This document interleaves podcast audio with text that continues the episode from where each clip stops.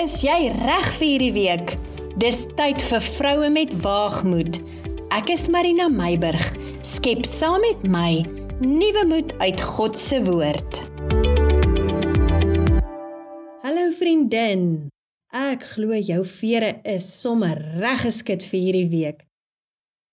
Ek wil vandag met jou gesels oor kampvegters. Nee, nie die aktivis soort nie, alhoewel 'n mens my gedagte in breë aan daardie term kan hak.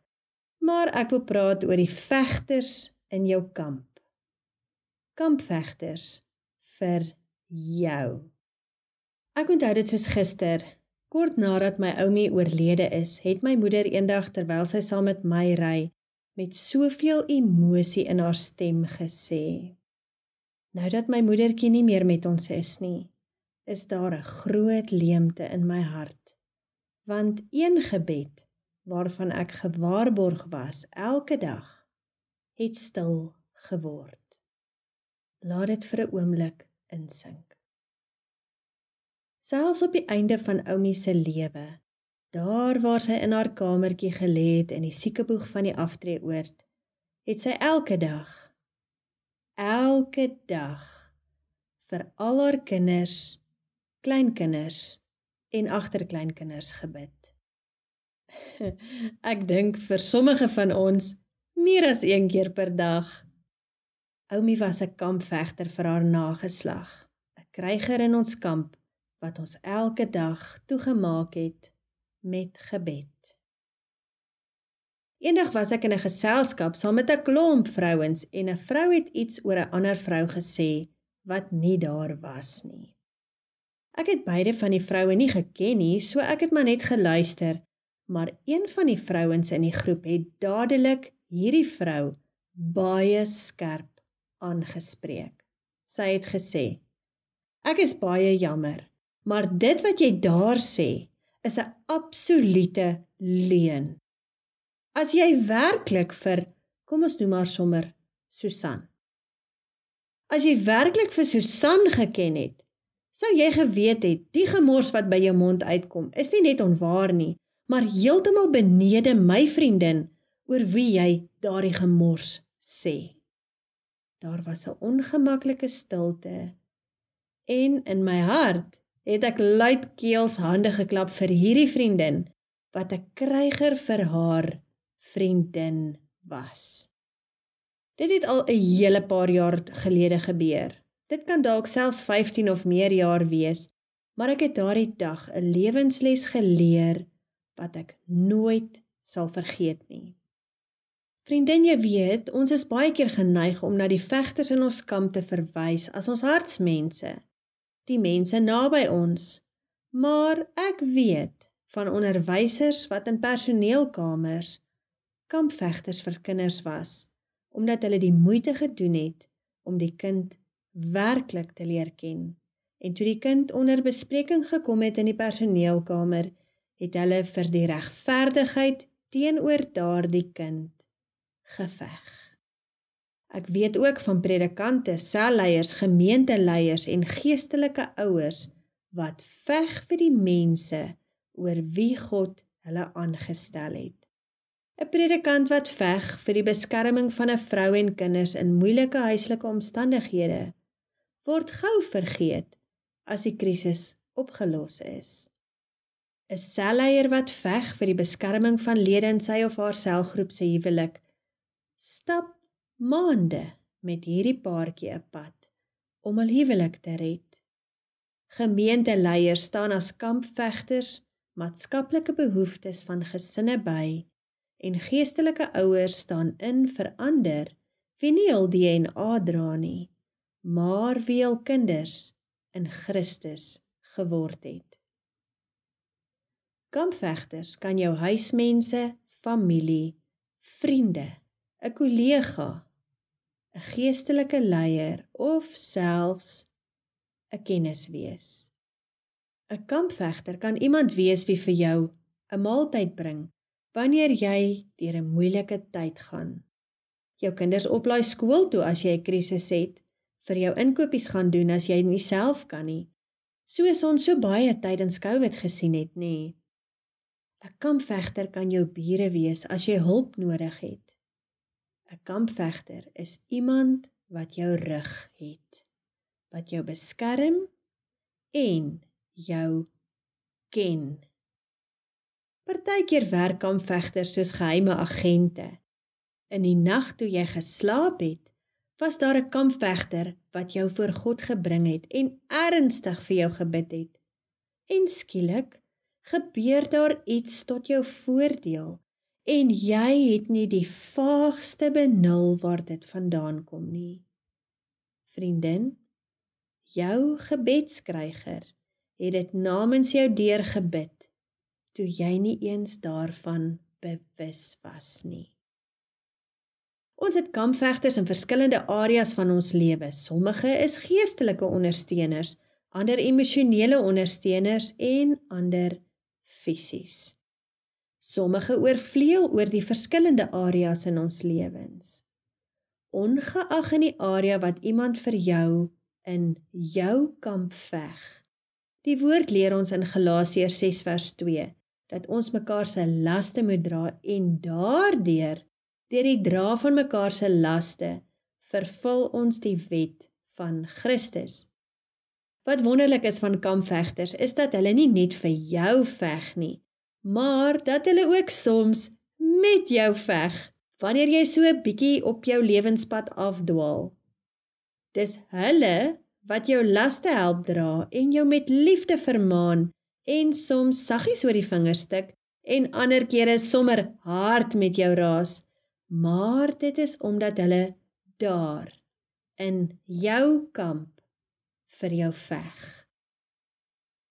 Baie keer is jy nie eens bewus dat daar iemand is wat vir jou bid, vir jou 'n woordjie doen, jou beskerm in 'n geselskap, jou die voordeel laat geniet terwyl hulle ongesien terug staan of as 'n middel tot 'n geopende deur vir jou dien nie. Kampvegters is nie mense wat op die dakke uitpas sien wat hulle vir jou gedoen het nie. En hulle gee ook nie om dat hulle altyd die erkenning kry vir wat al in jou lewe beteken nie, want hulle veg vir jou met 'n rein hart sonder om iets terug te verwag terwyl hulle jou boel self stel op daardie oomblik. Dis soos die vrou van wie ek vertel het wat nie eens vir een oomblik geskroom het om in 'n groep vrouens vir haar vriendin te veg nie. Sy het op daardie oomblik haar vriendin se belange bo haar eie gestel en nie eens gedink wat die vrouens van haar gaan dink as sy daardie vrou so skerp aanspreek nie. Het haar vriendin dit van haar verwag? Nee, natuurlik nie. Sy was nie eens bewus van die gesprek nie. Daarom die kampvegters in jou lewe het nodig om te weet dat jy hulle waardeer, want jy weet nie altyd wanneer en hoe gereeld hulle vir jou veg nie, vriendin. Jy moet jou waardering vir hulle sê. En onthou, jy kan nie altyd net aan die ontvangkant wees nie.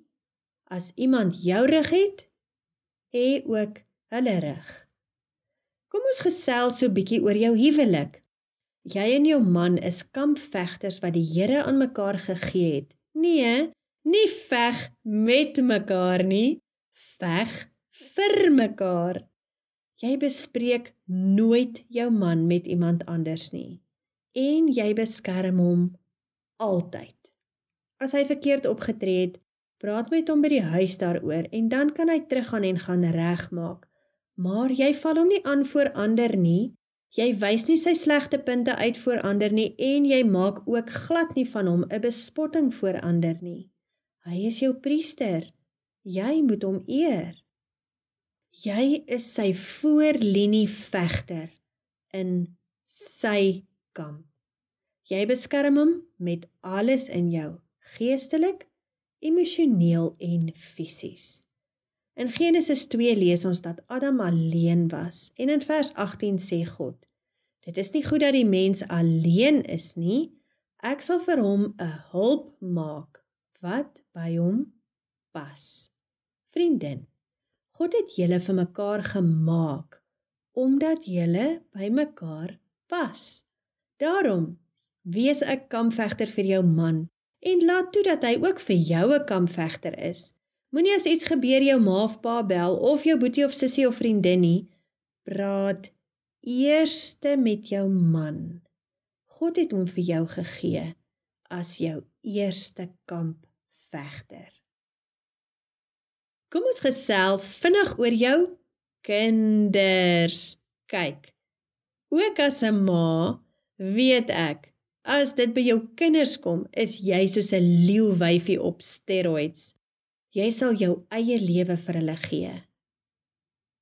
Vriendin, dit is goed so, maar ek wil jou vandag herinner om 'n balans te hou. Kinders groei en moet die lewe ontdek. Hulle moet huil, hulle moet 'n bietjie te nagekom word partykeer. Hulle moet in die skande kom, hulle moet val, hulle moet seer kry, hulle moet gelukkig wees.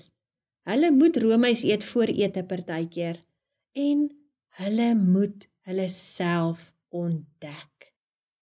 Jy kan nie elke bal wat na jou kind se kant toe kom, bat nie. Hulle moet leer om hulle eie lewensballe te bat. Wees vir hulle kampvegter, veg in hulle kamp. Maar moet hulle nie versmoor nie. Moenie jou opinies, onvervulde wense en ideale op hulle afforceer nie. As Sissie nie wil ballet en klavier speel nie, maar eerder boogskiet en fietsry, laat haar begaan. Dis haar lewe. Jy het jou eie. As jou seun nie die beroep kies waarin jy hom van kleins af gesien het nie, laat hom begaan. God het aan hom die persoonlikheid en vaardigheidspakket gegee om te doen waarvoor hy op hierdie aarde is. En as dit nou nie is wat jy wou gehad het nie, vertrou God se plan eerder as jou eie. 'n Laaste gedagte voordat ons vandag se geselsie afsluit. Vriendin, as jy 'n kampvegter vir iemand is, moenie hulle in jou kamp insleep om daar vir hulle te veg nie. Met ander woorde, Moenie jou sienings, jou verwagtinge en jou gedagtes op hulle afforceer nie. As jou vriendin iets met jou bespreek en jy gee haar raad en sy volg dit nie, moenie vir haar kwaad wees nie. Jy is haar kampvegter in haar kamp, nie in jou eie nie. As sy nie maak soos jy sê nie, ondersteun haar steeds. Selfs al weet jy sy gaan dalk vorentoe haar kop stamp, wel dalk doen sy nie. Ons moet leer om saam met mense vir wie ek en jy 'n kampvegter is te loop op hulle pad en nie om hulle op jou rug te dra op jou eie pad nie. Moenie haar blok en kwaai vriende met haar wees omdat sy nie jou raad gevolg het nie. Wees daar in haar kamp steeds vir haar 'n vegter. En wanneer sy dalk wel haar kop stamp, moenie sê ek het jou gesê nie, ondersteun haar en help haar verstaan sodat sy daaruit kan leer en groei as mens. Ons moet leer om te laat los. Al is ons kampvegters, as ek jou kampvegter is, is dit onvoorwaardelik. Onvoorwaardelik beteken ek veg in jou kamp sonder enige voorwaardes. Dit is waar vir jou man, vir al jou kinders en jou hartsmense. Ons maak geestelik so baie keer die fout dat ons van mense verwag om geestelik soos ons te redeneer en ons veg met voorwaardes. Dis verkeerd. 'n Mens kan nie spreekwoordelik van 'n kleuter verwag om 'n vragmotor te bestuur nie.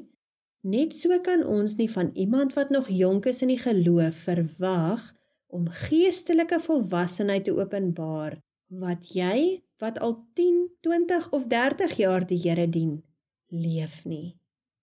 Ons moet onvoorwaardelike kampvegters wees, want dan vervul ons die wet van Christus soos ons gelees het in Galasiërs 6 vers 2.